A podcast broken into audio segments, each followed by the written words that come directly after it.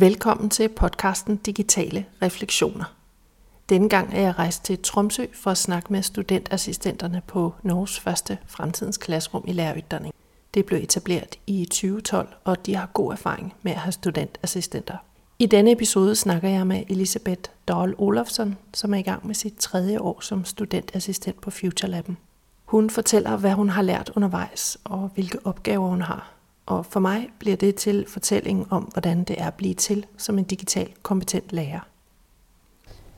Jeg er på besøg på Norges Arktiske Universitet, Universitetet i Tromsø, brygger jeg kalde det. Og jeg sitter her med Elisabeth Dahl Olafsen, og du er studentassistent i FutureLab, som er... Øh, ja, kan du fortælle lidt kort, hvad FutureLab egentlig er? Og, hvem, og præsentere dig selv lidt mere, kanskje? Du, øh, hvilket du læser går på læreruddanning. Ja. Så jeg heter Elisabeth Dahl Olafsen. Jeg går nå fjerdeåret på lærerutdanninga, femte til tiende trinn. Og jeg har matematikk, naturfag og kunst og håndverk som mine fag, med fordypning i matematikk. Og jeg har jobba som studentassistent på FutureLab i to år, og nå går jeg inn i mitt tredje år. Og FutureLab det er jo da både et fysisk rom, altså det er jo det rommet vi eh, underviser i, men man kan vel også si at FutureLab er en idé eller et eh, konsept om å øke bevisstheten rundt eh, digitale verktøy i skole. Men hvorfor ble du egentlig studentassistent? Det lå jo en, en sånn til denne stillinga. Og eh, det var jo litt vanskelig å forstå hva jobben gikk ut på, så jeg tok kontakt med en studentassistent som da jobba for FutureLab på det tidspunktet. Jeg fikk høre hans erfaringer som studentassistent. Og da var det vel kanskje engasjementet hans som smitta veldig over, da. Han trakk jo fram det her med at han har blitt mye bedre til å undervise etter han eh, begynte å jobbe for FutureLab. Og han har fått en mye større sånn idébank for hva man kan bruke i undervisning. Så det var nok både det her med at han eh, fikk muligheten til å utforske det som finnes der ute. Altså både av apper, programvarer, eh, fysiske verktøy. Men hvordan man kan implementere det i undervisninga, Som jeg syns virka veldig interessant. Mm. Og jeg har kanskje også vært litt redd for å bli en ny eh, PowerPoint-generasjon, som jeg noen gang bruker å si. Ikke for at det verktøyet er noe feil med, men det er det her med at det tar tid å sette seg inn i digitale verktøy. Men hva vil det si å være en powerpoint-generasjon? Så den worst case, hva skjer da? worst case er jo at uh, du bare bruker PowerPoint som eneste hjelpemiddel når du skal forelese. Noe som jeg tror veldig mange forelesere kjenner seg igjen i. Uh, den er veldig fin for oss som, som vi har snakket om, da. Strukturere arbeidet ditt. Men den har jo en tendens til å få til å se ser litt ustrukturert ut, da, med veldig mye tekst og lite bilder. Og eh, mange forelesere er kanskje ikke klar over at det er veldig vanskelig å både lytte, se, skrive samtidig. Det, det, det krever veldig mye av studentene. Og det ender jo opp med at man eh, sitter mye og bare skriver for harde livet på PC-ene sine uten å egentlig vite hva man har fått med seg. Det er litt den da jeg, er frykta for å bli sjøl. At eh, jeg ikke tør å ta i bruk andre verktøy. Mm. For det er tidkrevende. Mm. Så det, du, du forteller at du både blev, du blev fanget av hans begejstring for, for jobben, han syntes det var enormt spennende. og så fortalte han også, altså han gav dig også et perspektiv på, hvorfor du kvalificerede dig til din kommende lærerjob. Ja, absolutt. Mm. Han, øh, han syntes bare det var en øh, veldig fin jobb å ha som student han, han, tenker kanskje ikke så mye over at uh, det her er Altså med de nye læreplanene som kommer, så settes det jo større krav til IKT-kompetansen til lærere. Og veldig mange er jo litt stress over at programmering kommer inn, da, spesielt under matematikk. Men ved å ha en sånn her jobb ved siden av det å være student, så får du eh, over flere år da, lært deg veldig mye som du kan ta med deg ut i, jobb, jobben da, som, eh, som ferdigutdanna lærer. Og da har du brukt de årene du var student, som å, du har brukt det, altså den samme tida på å sette deg inn i det. Og det gjør det jo mye lettere å ta det i bruk i skolen. Mhm. Så det var den her, fra hans perspektiv, da, den eh, beste jobben du kunne ha Mm. ved siden av det å være lærer. Mm. Det er å være student. Lærerstudent. Ja. Men det som du øh, Den kompetanse eller den innsikt i det digitale, får man ikke den ellers på lærerutdanningen? Det er litt begrensa hva vi lærer, lærer om i forelesningen vår. Det mye, legges ikke så mye vekt på det. Og på de tre årene jeg har gått, så har det nå bare vært én eller to Altså en eller to forelesninger om digitale verktøy, og hvor vi har blitt bedt om å sette oss inn i et verktøy og så vise det for resten av klassen. Så det har vært ganske lite. Og eh, jeg har også sett på undersøkelser som er gjort blant lærerstudenter, at akkurat det her er det, er det stor mangel på. da. Mm. Vi savner å ha mer om det. Mm. Og vi vet også fra å ha vært ute i praksis at det er tidsnød som lærer. Så det å sette seg inn i det her på kveldstid eh, eller mellom undervisningen dine, det er ikke helt realistisk. Nei. Så du tenkte kanskje at øh, det her det får jeg egentlig ikke i min lærerutdanning. Ja. Øh, det her jobb det lyder spennende. Ja. Jeg er nysgjerrig, og så kvalifiserer jeg meg Ja. samtidig. Absolutt. Mm. egentlig bare vinn-vinn. Det er klart, du, du må jo gi en innsats eh, som studentansatt. Det er jo, kan være krevende å skal undervise såpass mye. Det er mye planlegging på forhånd. Men det er jo det her du skal bli god på. da. Og jo mer du får øvd deg på det som student, jo flinkere blir du jo når du skal ut i jobb. Mm. Så det er jo bare Istedenfor å utsette den prosessen, for den kommer jo en eller annen gang, så får du gjort det som en del av studiet. Mm. Ja. Så hva er det for noen Nå sier du du underviser mye. Hva er det for noen opp, arbeidsoppgaver du har? Vi eh, underviser jo primært, og da er det jo både for medstudenter, men også for lærere som allerede er ute i arbeid. Og da er det jo, det er jo mange som tar etterutdanningskurs i engelsk eller matte eller norsk. Og da er jo de tilknyttet universitetet på en annen måte. Så deres faglærer tar kontakt med oss og ønsker da ei eh, undervisningsøkt på FutureLab-rommet hvor vi prøver å kombinere vår kompetanse om IKT eller digitale verktøy og deres fag. da. Så prøver vi å sette det sammen til ei undervisningsøkt. Så det, det er det som på en måte er vår primæroppgave. da. Det er undervisning for medstudenter og for lærere. Og når dere har undervisning på lærerutdanning, så de lærerutdannere som har booket dere, Ja. de må også være med, ikke sant? Ja, det er veldig viktig. Eh, Poenget er jo at de skal være med på hele planleggingsfasen. Vi skal jobbe sammen. da. Sånn at eh, de kanskje på sikt en gang klarer å undervise en lignende økt sjøl. Og det har vi jo sett, at folk har tatt kontakt med oss. Og så har de hatt undervisningsøkter i lag med oss på FutureLab-rommet over eh, altså flere ganger. Og så føler de seg etter hvert så trygge på det at de tør å gjøre det sjøl. Hmm. Så det må jo være et mål i seg sjøl. At Ja. eh, lærerne skal bli såpass trygge at de kan booke rommet og ha ei økt der sjøl. Ja. Ja. Men vi er jo der nå som for å skal hjelpe til da, til å bli tryggere i den fasen. Mm. Ja. Men når du nå er ansatt på FutureLab som studentassistent, er du så selv veldig god på teknologi? Og sånn, eller da du startet i jobben, var det liksom Nei, eh, veldig eh, Jeg kunne egentlig nesten ingenting om digitale verktøy. Jeg var egentlig helt blank på det. Og, og likevel hadde du lyst? Jeg hadde lyst, ja. ja veldig, veldig, hadde veldig lyst, fordi, nettopp fordi jeg kunne så lite. Men så, var, så har man jo, vi er jo fire studentansatte, og alle har jo ulike kvaliteter eller egenskaper i det samarbeidet. Og når jeg da var på intervju, så sa jeg jo at min kvalitet er vel at jeg er veldig opptatt av refleksjon, og at vi er nødt til å knytte arbeidet vårt til det faktiske klasserom. Så jeg har mye å bidra på der, men jeg kan ikke så mye om IKT. Jeg kan ikke så mye om digitale verktøy. Jeg har primært brukt PowerPoint.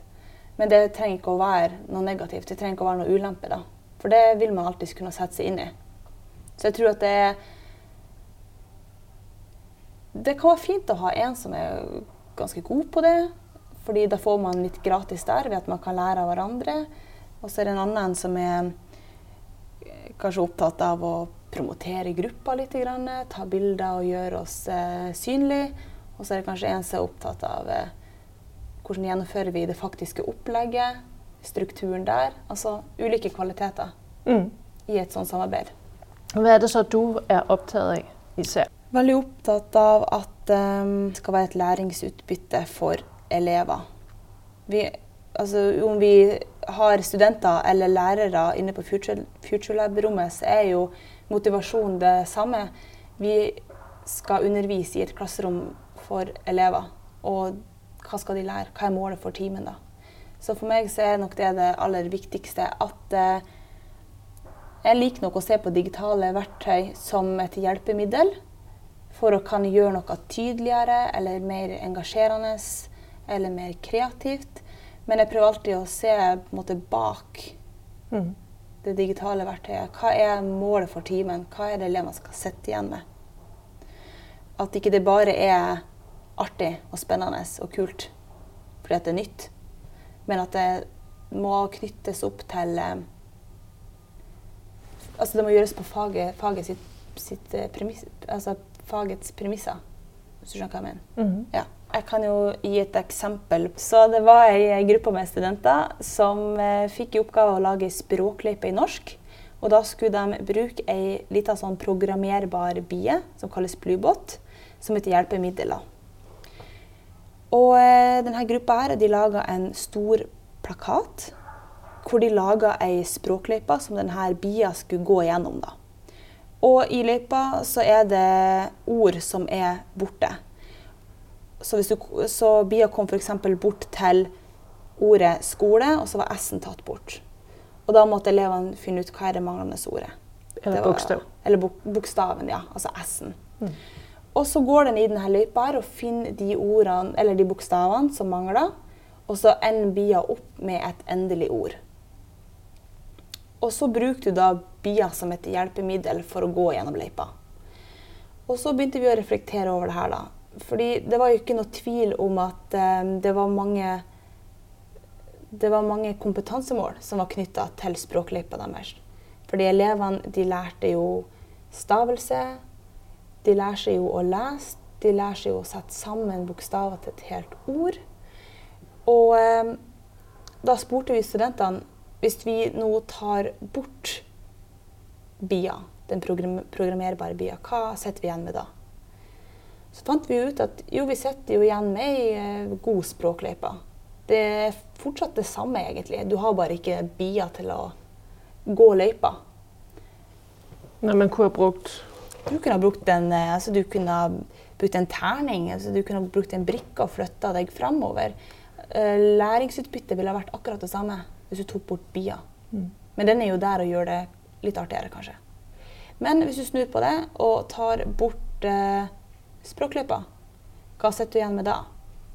Jo, da sitter du igjen med ei programmerbar bie som du kan uh, trykke på for å få den til å bevege på seg. Og da forsvant hele poenget med at dette skulle være knytta til norsk. Og vi kunne heller ikke se noe tydelig kompetansemål som vi kunne knytte dette til. da. Og eh, det ble veldig tydelig da at tar du i bruk digitale verktøy, så må det være på eh, fagets eh, premisser. Og du er nødt til å ha tenkt igjennom Hvis det digitale verktøyet eller hjelpemiddelet jeg tar i bruk, ikke fungerer, hva står jeg igjen med da?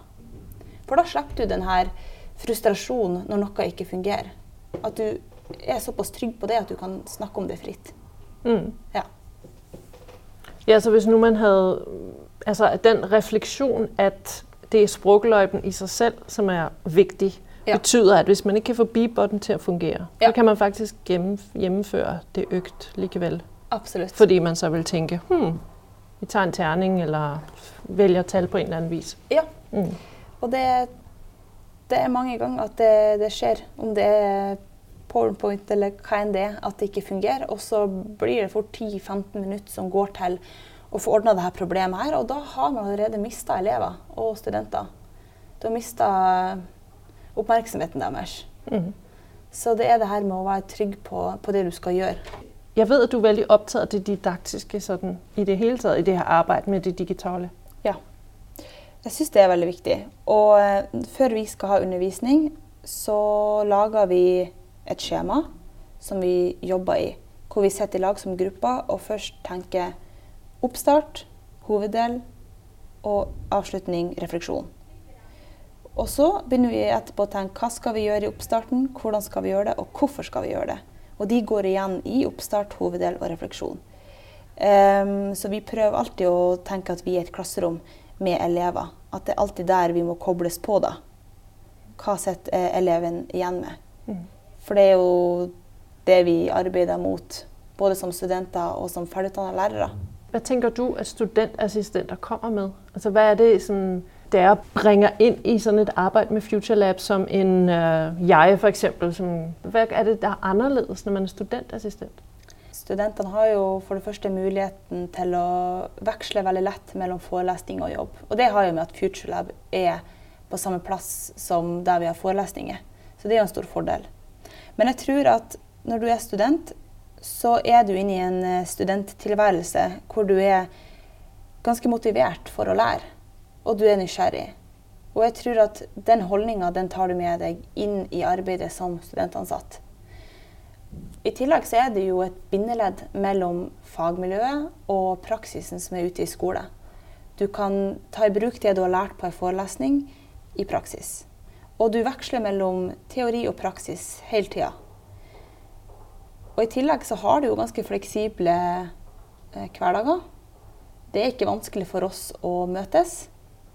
Og eh, jeg tror vi når ut til et større hva skal man si, publikum.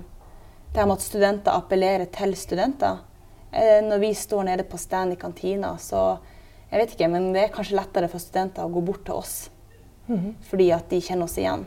Og da er det kanskje lettere for oss å få de med på en workshop på ettermiddagstid enn hvis en lærer hadde stått der. Mm. Så vi når ut til studentene veldig lett.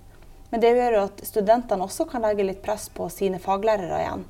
Fordi at de vet at vi driver på med mye spennende opplegg på FutureLab-rommet. Og det her vil vi også lære eh, litt mer om. Kan ikke dere booke en time på FutureLab-rommet? Ja. Så eh, vi når jo veldig lett ut til studenter. Og vi er ute i praksis, og nå er vi jo ute til skole. Mm. Så hvis alle lærerstudentene hadde hatt grunnleggende gode ferdigheter i IKT, og man er ute i praksis to ganger i året, så kan man jo så er det jo, litt, så er det jo tydelig å se at det, det, vil være mange skoler som drar nytte av at det er studenter som er i denne jobben her. Mm. Ja. Så Elisabeth, hvis nå der sitter noen og hører med som, uh, som vurderer om de skal være studentassistenter, ja. har du så sånn siste sådan, Hva kan vi si sådan oppsummerende? Hvorfor Skal de gjøre det, eller skal de ikke? Jo, Eh, jeg syns jo absolutt at de skal gjøre det. Fordi eh, Eller kanskje litt om hvordan man skal gjøre det òg. Jeg tror at eh, skal du ansette studenter, så er det viktig at man har en balanse mellom å gi dem mye fleksibilitet, men at man også har klare krav til gruppa. Sånn at det ikke blir en gjeng med studenter som har masse ideer og tanker som aldri blir realisert. Mm.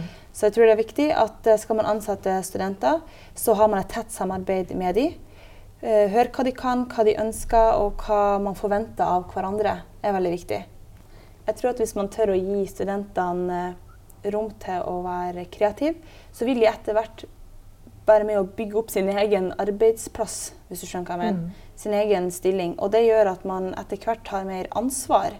Fordi at eh, du har vært med på hele prosessen sjøl, og du har etter hvert lært deg hva som fungerer bra, og hva som fungerer dårlig. Og det gjør at det blir en mer og mer spennende jobb. Og det kan jeg jo sjøl relatere meg til eh, når jeg nå ser tilbake på første året, og nå når jeg går inn i mitt tredje år. Jeg er jo mye tryggere på det jeg gjør, og har mange flere ideer på hva vi kan gjøre for å utvikle oss. Så eh, hvis man vurderer å ansette studenter, så, eh, så tror jeg det kan være veldig verdifullt. Fordi at man som sagt når ut til veldig mange. Og så er det viktig med et godt samarbeid. Mm.